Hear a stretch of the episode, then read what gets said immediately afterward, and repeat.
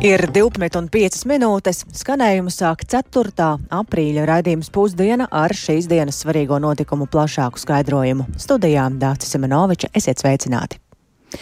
Somija šodien oficiāli kļūs par 31. NATO dalību valsti. Pēcpusdienā alianses galvenajā mītnē pirmo reizi pacels Somijas karogu, un tas notiks īsi pirms NATO ārlietu ministru sanāksmes, kurā Somijas politiķis varēs jau piedalīties kā pilntiesīgas dalību valsts pārstāvis. NATO galvenajā mītnē Briselē atrodas arī mūsu korespondents Arķoms Konohaus, ar kuru šajā brīdī esam sazinājušies. Labdien, Arķom! NATO ģenerālsekretārs Jens Stoltenbergs ir nodēvējis šo dienu par vēsturisku. Izstāsti, kāpēc tā? Jā, labdien, kolēģi, labdien, klausītāji. Tik tiešām šī ir vēsturiska diena, tāpēc, ka vēl pirms dažiem gadiem neviens īsti negaidīja, ka Somija varētu pievienoties NATO. Un uh, tagad, pēc tam, kad Krievija ir uzsākusi kāru pret Ukrainu, situācija ir pilnībā mainījusies, un gan Somija, gan Zviedrija ir pieteikušās, lai kļūtu par NATO dalību valstīm, bet nu, pagaidām tikai Somijai ir izdevies pabeigt šo procesu. Kā zināms, Turcijai pret Zviedriju ir lielāki iebildumi iebildumi nekā pret Somiju. Tad šobrīd šis tiešām ir vēsturisks moments, jo valsts, kurā vēl nesen pavisam neplānoja iestāties NATO, ir pabeigusi šo procesu. Tā, protams, ir arī nozīmīga valsts mums, jo tā ir mūsu kaimiņu valsts. Tās tam dēļ arī tiek palielināta Baltijas jūras drošība, mūsu kopējā reģiona drošība. No šī aspekta jā, tiešām tas ir būtisks notikums. Tu jau pieminēji Zviedriju, kurai vēl nav izdevies iekļauties NATO. Kad varam gaidīt Zviedrijas pievienošanos aliansei? Pastāv cerība, un to saka arī vairāki diplomāti, ar kuriem man ir izdevies uh, runāt pēdējās dienās, ka tomēr Zviedrijas pievienošanās varētu notikt līdz jūlijā paredzētajam NATO uh, valstu līderu samitam, kas notiks Viļņā.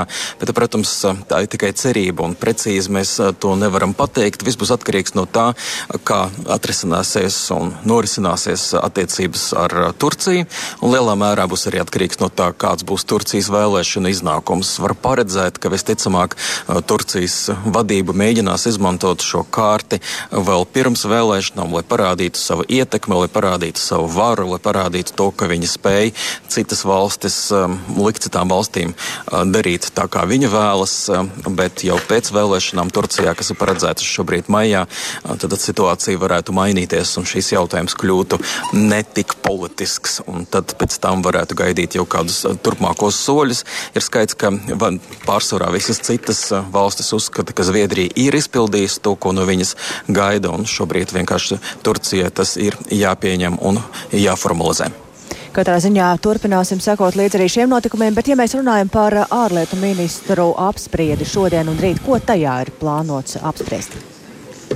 Ukraina, protams, būs viens no centrālajiem notikumiem. Šo pēcpusdienu notiks arī NATO-Ukrainas komisijas sēde. Tā ir pirmā reize sešu gadu laikā aptuveni, kad šāda sēde notiek. Protams, ir bijušas citas tikšanās ar Ukrainas vadību, bet šī ir pirmā reize, kad notiek šī formālā sēde, jo iepriekš iebildumi ir bijuši Ungāriem, it sevišķi pret to, kā Ukraina izturas pret uh, nacionālajām minoritātēm, un tam dēļ viņi negribēja, lai šāda sēde notiek. Bet nu, šoreiz um, NATO ģenerālsekretārs Jens Stoltenbergs to ir tomēr sasaucis, un izskatās, ka arī Ungāri piedalīsies šajā sanāksmē. Tā kā situācija Ukrainā, protams, būs uh, svarīga gan šajā uh, sanāksmes daļā, gan arī citās, jo valstīm lielā mērā ir jāsaprot, uh, kādam, kādām ir jābūt NATO un Ukrainas turpmākajām attiecībām, jo pievienošanās aliansē šobrīd nav aktuāls dienas kārtības jautājums, lai arī Ukraina to vēlētos, bet ir jādod kāda citi, um, kādas citas garantijas, kāda cita solījumi, un kas tieši būtu jādod un kā, nu, tas tad arī būs viens no tādiem centrālajiem jautājumiem.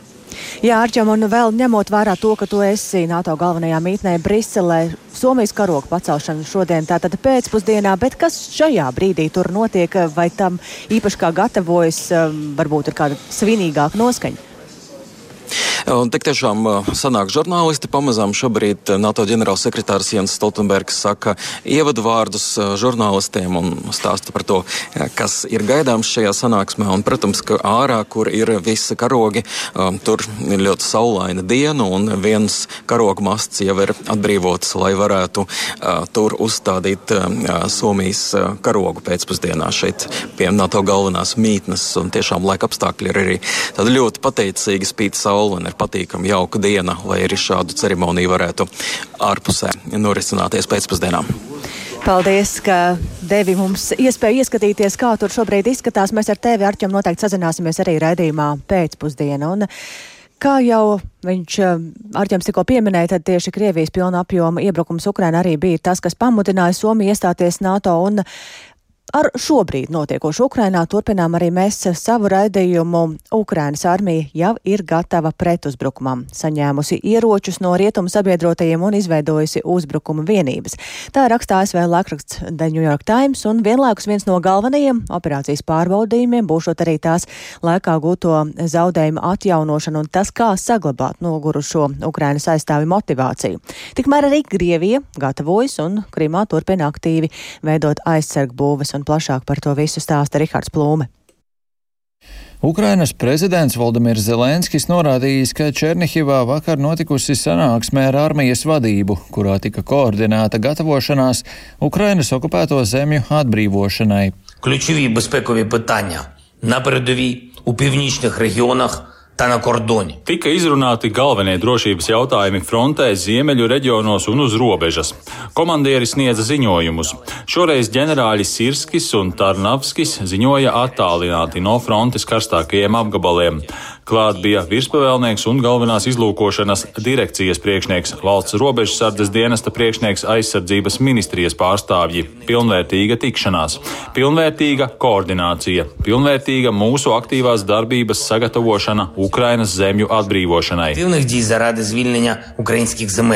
Aizsardzības ministrs Oleksijas Rezņikovs nesen sacīja, ka Ukrainas armija teritoriju atbrīvošanas operāciju sāks aprīlī vai maijā, kad to ļaus laikapstākļi.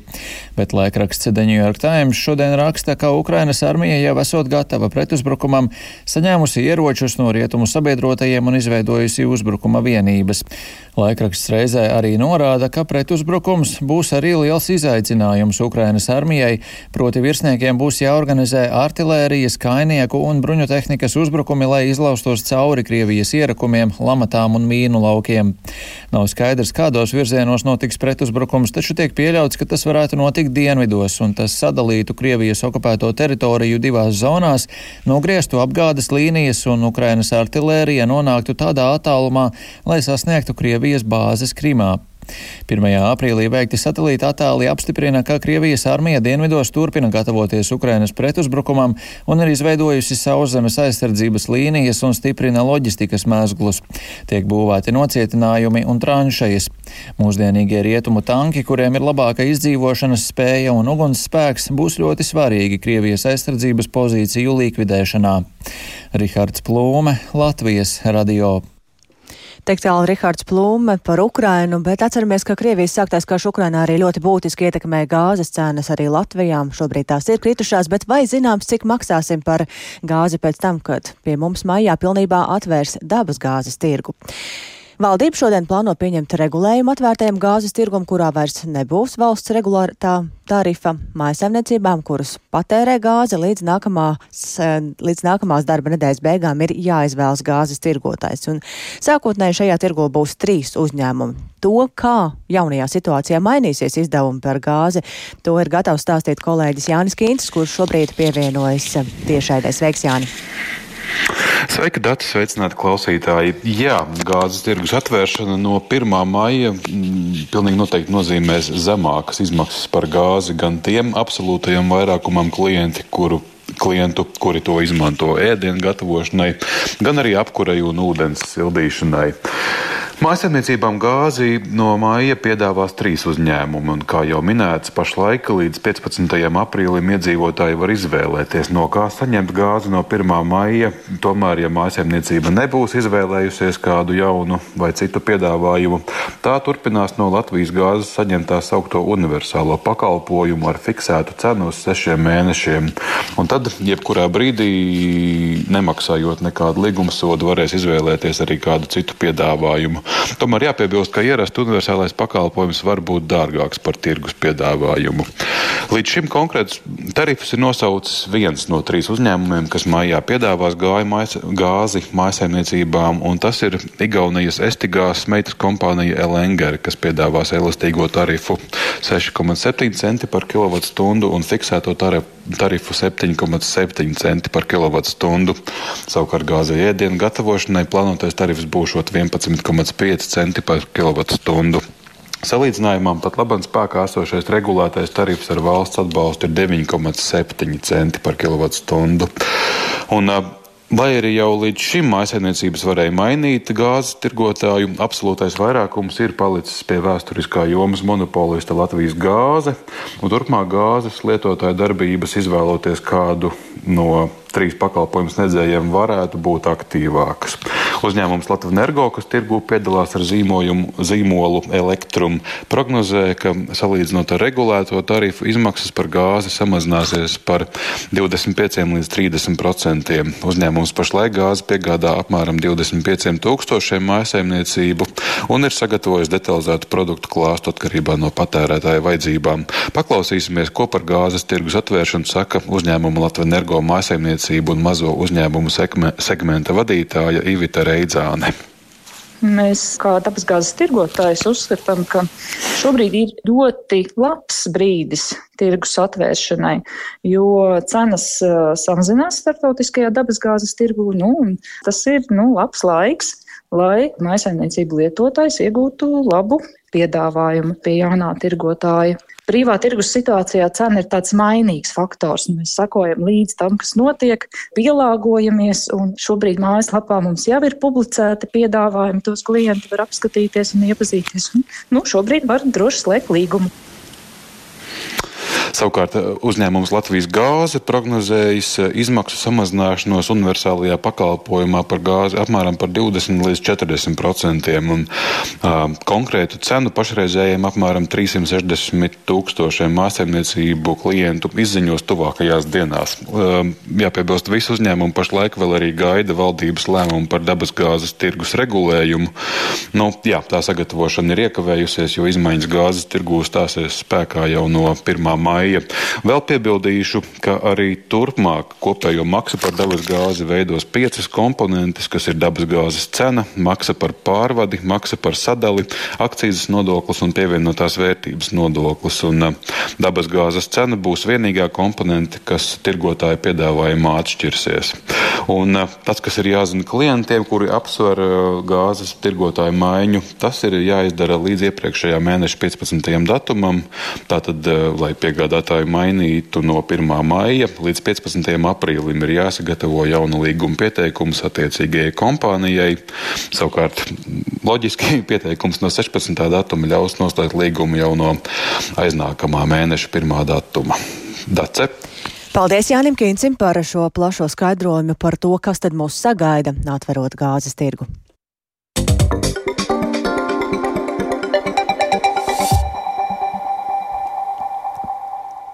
Latvija ir vispirātiskāk domājošā valsts Eiropā. Tā liecina Eiropas intelektuālā īpašuma organizācijas pētījumi, un tā šorīt programmā Labrīt sacīja par legālu satura valdes locekli Gunta Līdaka, norādot, ka pēdējā laikā būtiski aug nelegāli iegūt un patērēt satura apjoms. Turklāt sabiedrībai nav izpratnes, ka cita cilvēku radošā īpašuma lietošana nepienākas bez maksas. Televīzijas izplatīšanas nozarē vien nodarītie zaudējumi gada laikā ir dubultojušies līdz 8 miljoniem eiro, un par to šodien diskutēja arī Saimas sabiedrisko lietu komisijā. Un par to, kāda ir pašreizējā situācija, to varam paklausīties, ko kolēģiem Ārtai Skujai un Laurim Zvejniekam sacīja Līdaka.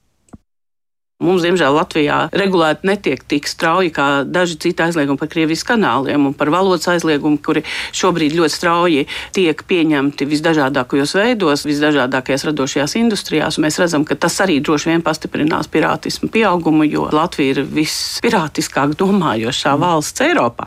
Mums ir vislielākais izpratnes trūkums par to, kā pirātisko saturu nevajag lietot. Piemēram, 60% Latvijas iedzīvotāji uzskata, ka, ja man šis saturs nav pieejams legāli, es viņu meklēju meklējuši pirātiskajās saitēs, pirātiskajos kanālos. Līdz ar to sabiedrība ļoti viegli pakārtojas šim pirātu piedāvājumam. Mums vēl jāsaprot viena lieta, ka pirātiskais saturs arī ir industrija, tikai neapliekama ar nodokļiem un neregulējama. Līdz ar to tas audiovizuālo pakalpojumu biznesu nostāda nevienlīdzīgā situācijā pret eh, pirātiem, pret kuriem šī vēršanās nu, notiek, manuprāt, diezgan lēni. Es domāju, dažādu iemeslu dēļ, jo šis izpratnes trūkums ļoti, ļoti liels. Kas ir tie soļi, kas būtu spērami? Ir jāatsāk dialogs tiem, kas veido šobrīd ēnu ekonomikas apkarošanas politiku Latvijā ar industrijas pārstāvjiem, lai veicinātu un veidotu šo izpratni. Tas ir viens. Otrs, mums ir ļoti vajadzīgi dažādi regulējoši likumdošanas akti. Mēs esam vairāk kā gadu atpakaļ iesnieguši piedāvāts grozījumus gan autortiesību likumā, gan elektronisko plašsaziņas līdzekļu likumā, kas varētu strauji dot tiesības bloķēt filmu saites un grāmatas, jo grāmatu industrijā ir ļoti smaga situācija šobrīd, jo šo saturu izmanto nelegāli, vienkārši brīvi, tāpēc, ka nav regulējuma attiecībā uz grāmatām un filmām. Līdz ar to mēs gaidām šos grozījumus nu jau gadu. Nevaram sagaidīt, mēs diskutējam regulāri ar kultūras ministriju. Ceram, ka tuvākajā laikā šie grozījumi varētu parādīties saimā, bet vēl joprojām viņi nav. Līdz ar to tas, protams, katru dienu rada zaudējumus mūsu audiovizuālajai nozarei. Tad, tad tur būtu nepieciešama tehnoloģiska risinājuma. Viens ir izpratnes veicinājumi, jā, viens ir saruna par to, ko mēs ierobežojam un kā mēs to darām, jo šī audiovizuālo pakalpojumu amplitūda dažādos veidos ir ļoti liela arī mūzika taiskaitā. Mums ir ļoti daudz nozars, kuras ir izslēgta šobrīd no jebkura veida aizsardzības no valsts puses. Otra lieta - likumdošanas akti, kas palīdzētu strauji bloķēt. Ir plānots, ka šī funkcija tiks uzticēta neplam arī attiecībā uz grāmatām un kino. Tātad mums vajadzētu daudz vairāk runāt par šīm nozarēm, jo kino darbi tiek zakti visvairāk, pirātisms ir izplatīts visvairāk, mazāk mēs runājam varbūt par Krievijas kanāliem. Jā, tur arī, protams, daļa auditorijas iet un meklē šo nelegālo saturu internetā, bet pamatā tas sarunas ir par kino, grāmatām, televīzijas šoviem, dažādām sērijām un tam līdzīgām lietām. Tās ir lietas, kuras šobrīd netiek regulētas. Tā par legālu saturu valdes locekla Gunta Līdaka. Tikmēr frizieri, viesmīļi, smago spēkratu mehāniķi, flīzētāji, krāsotāji un vēl daudzi citi jaunie profesionāļi šodien un rīt Rīgā ķīpsals izstāžu centrā pulcējas vērienīgā konkursā Skills Latvija. Turklāt, kamēr 120 jaunieši demonstrē savu varēšanu, 40 dažādas prasmes ir iespēja izmēģināt arī apmeklētājiem. Un, kā šorīt programmā Labrīt kolēģei Ārtais Kujai sacīja valsts izglītības attīstības aģentūras Skills Latvija nodaļas vadītāja Maira Apsīte. Tā ir profesionālā izglītība dzīvajā, un paklausīsimies Apsītes sacīto. Tas nav buklets, tas nav izstādes stends, tie ir dzīvi, talantīgi, prasmīgi jaunieši, kuri veids patiešām aprīnojamas lietas. Viņa 14 stundās, divās dienās paveiks to, ko iespējams, ka viens otrs profesionāls nevar. Kas ir tie, kurus jūs aicināt būt klāt, apskatīties un saprast? Tie ir skolēni, vecāki, varbūt uh, uzņēmumu pārstāvi. Mēs aicinām absolūti visus. Protams, mums interesē tā sabiedrības daļa, kurai šobrīd vēl ir izvēle, kā savu karjeru veidot. Tie ir pamatskolu skolēni, arī vidusskolu beidzēji, bet konkurss ir atvērts pilnīgi pilnīgi visiem. Vecākiem, nozaru pārstāvjiem, kurus mēs īpaši gaidām, tāpēc šī ir vieta, kur satiekās nozars ar profesionālu izglītību. Mēs bez viņu atbalsta arī konkursu sarīkot nevaram. Un tā kā tas ir konkurss, kas tālāk notiek ar uzvarētājiem? Ir dzirdēts, ka mūsu jomas profesionāļi ir izcili ne tikai Latvijā, bet arī starptautiskā arēnā. Nu, tieši tā, pašus izcilākos mēs aicinām pārdomāt, vai viņi ir gatavi piedalīties arī starptautiskajos konkursos, Eiroskills un Wordskills. Bet, protams, tas ir milzīgs izaicinājums. Tur ir jābūt ārkārtīgi lielai motivācijai un jāteic arī milzīgai stresa noturībai. Tāpēc negluži visi, kas mūsu konkursā uzvar, aizbrauc uz starptautiskiem konkursiem, bet tie labākie, motivētākie un drosmīgākie gan. Jāpiebilst, ka šodien un tāpat arī rīt līdz pat pulksten četriem pēcpusdienā konkurss notiek Rīgā, Ķīpsals izstāžu centrā, un kā jau dzirdējām, tajā jaunieši sacenšas ļoti dažādās jomās, un arī jauniešu sniegumu vērtē vairāk nekā 60 nozars ekspertu žūrija. Un tikmēr arī pasākuma apmeklētājiem ir iespēja piedalīties desmitiem aktivitāšu izmēģini prasmes un arī aprunāties ar Latvijas karjeras attīstības atbalsta asociācijas karjeras konsultantiem. Tikmēr Nacionālajā bibliotekā šodien paziņo Latvijas literatūras gada balvas nominantus un mūža balvas laureātu. Un šajā brīdī esam sazinājušies ar kolēģi Baibu Kušķi, kura tur šobrīd atrodas, un uh, viņa mums šobrīd pievienojas tiešai dēļ. Sveika, Baiba, vai jau ir atklāti visu kategoriju pretendentu un ir zināms arī mūža balva, balvas ieguvēja vārds? Jā, labdien! Tik tikko tik, tikko ir izskanējuši visu nominantu vārdi, un es patiešām sākšu arī ar uh, balvu par mūža ieguldījumu, un tā šogad ir piešķirta tulkotājai Elgai Saksei. Mm, daudzus gadu desmitus viņa ir bijusi vienīgā ungāru literatūras tulkotāja Latvijā. Tulkot viņa ir sākusi 60. gadu vidū, Eh, interesi viņai rosinājuši vecāki un iztulkojusi kopumā ir viņa vairāk nekā 70 darbus no ungāru valodas, tā kā būtībā gandrīz visu, ko mēs zinām par ungāru literatūru, tas viss ir nācis caur viņu. E, to vidū ir gan prozas klasiķu, Magdas Sabo un daudz tik iecienītā Šandora Mārai darbi. Arī dramaturģijas meistardarbi to vidū Ference Molnāra Liljons, kas tik ļoti populārs ir Latvijas teātros, un starp citu šobrīd top Dailas teātrī jauns iestudējums. Tāpat viņi ir tulkojusi arī grāmatas bērniem un jauniešiem. Un kā stāstīja žūrija, e, tad viņas arhīvos un atvilknēs esot vēl arī diezgan gana daudz nepublicētu tulkojumu, un varbūt tad e, šī balva arī kalpos, lai tie ieraudzītu dienas gaismu, vismaz kāds no tiem Tad līdzās eh, mūža balvai ir arī eh, jāpiemina noteikti speciāla balva, un tā ir piešķirta Ievēle Šīnskai par Eduarda Veidenbauma atzējojumiem angļu valodā. Un e, līdz ar šo balvu žūrija grib pievērst uzmanību mūsu literatūras spodrināšanai ārpus Latvijas, un iespējams, ka kādreiz varētu arī nu, rasties tāda speciāla balva vai spe, nu, īpaša kategorija, kurā varētu izcelt šādus darbus. Tad ar tulkojumiem un atzējumiem šogad saistās arī jaunie viesumi balvā, e, proti pirmo reizi ir atsevišķi izdalītas atzejas un prozas tulkojumu kategorijas, jo pirmkārt šis ir bijis ar labiem tulkojumiem ārkārtīgi ražens gads, bet otrkārt e, šīs sfēras patiesībā arī ir ļoti grūti nosvērt vienā svaru kategorijā. Tāpat jaunums ir arī tas, ka atkal ir atgriezusies atsevišķa kategorija eh, spilgtākais darbs literatūras zinātnē, jo aizvadītajā gadā arī šajā jomā bijis daudz ļoti spilgtu veikumu un ir izvirzītas četras grāmatas, visas ir veltītas ievērojumām personībām. Eh, bet varbūt tā īpaši izcaušu vienu kas mūsu šī brīža pieminekļu sāgas kontekstā varētu būt īpaši aktuāla. Un tā ir Arņa Koroševska monogrāfija par Andreju Upīti, lielais noliedzējs. Bet ir arī Gundagai Repšei veltīta grāmata, arī pētījums par Rudolfa Blaumaņa dairadi un e, pētījums par Anšlau Eglīti, tātad autori Anita Rožukalne, arī Benedikts Kalnečs un Ievas Struka. Nu jā, un kopumā uh, aizvadītā gada veikums ir sešās kategorijās izvirsīts. Jā, Baiba, kad tad notiks pati balvu pasniegšanas ceremonija un vai pirms tās kā ierasts būs arī dzējas un prozas lasījumi? Jā, apbalvošanas ceremonija būs 28. aprīlī un notiks atjaunotajā Rīgas cirkēkā. To varēs arī vērot tiešraidē portālā LSM, eh, bet 29. aprīlī arī būs pārraide Latvijas televīzijas pirmajā programmā. Jā, un tik tiešām kā Allaš pirms laureāta apbalvošanas ceremonijas šoreiz kultūra telpā Emdarbnīca notiks arī nominantu dzējas un prozas lasījumi.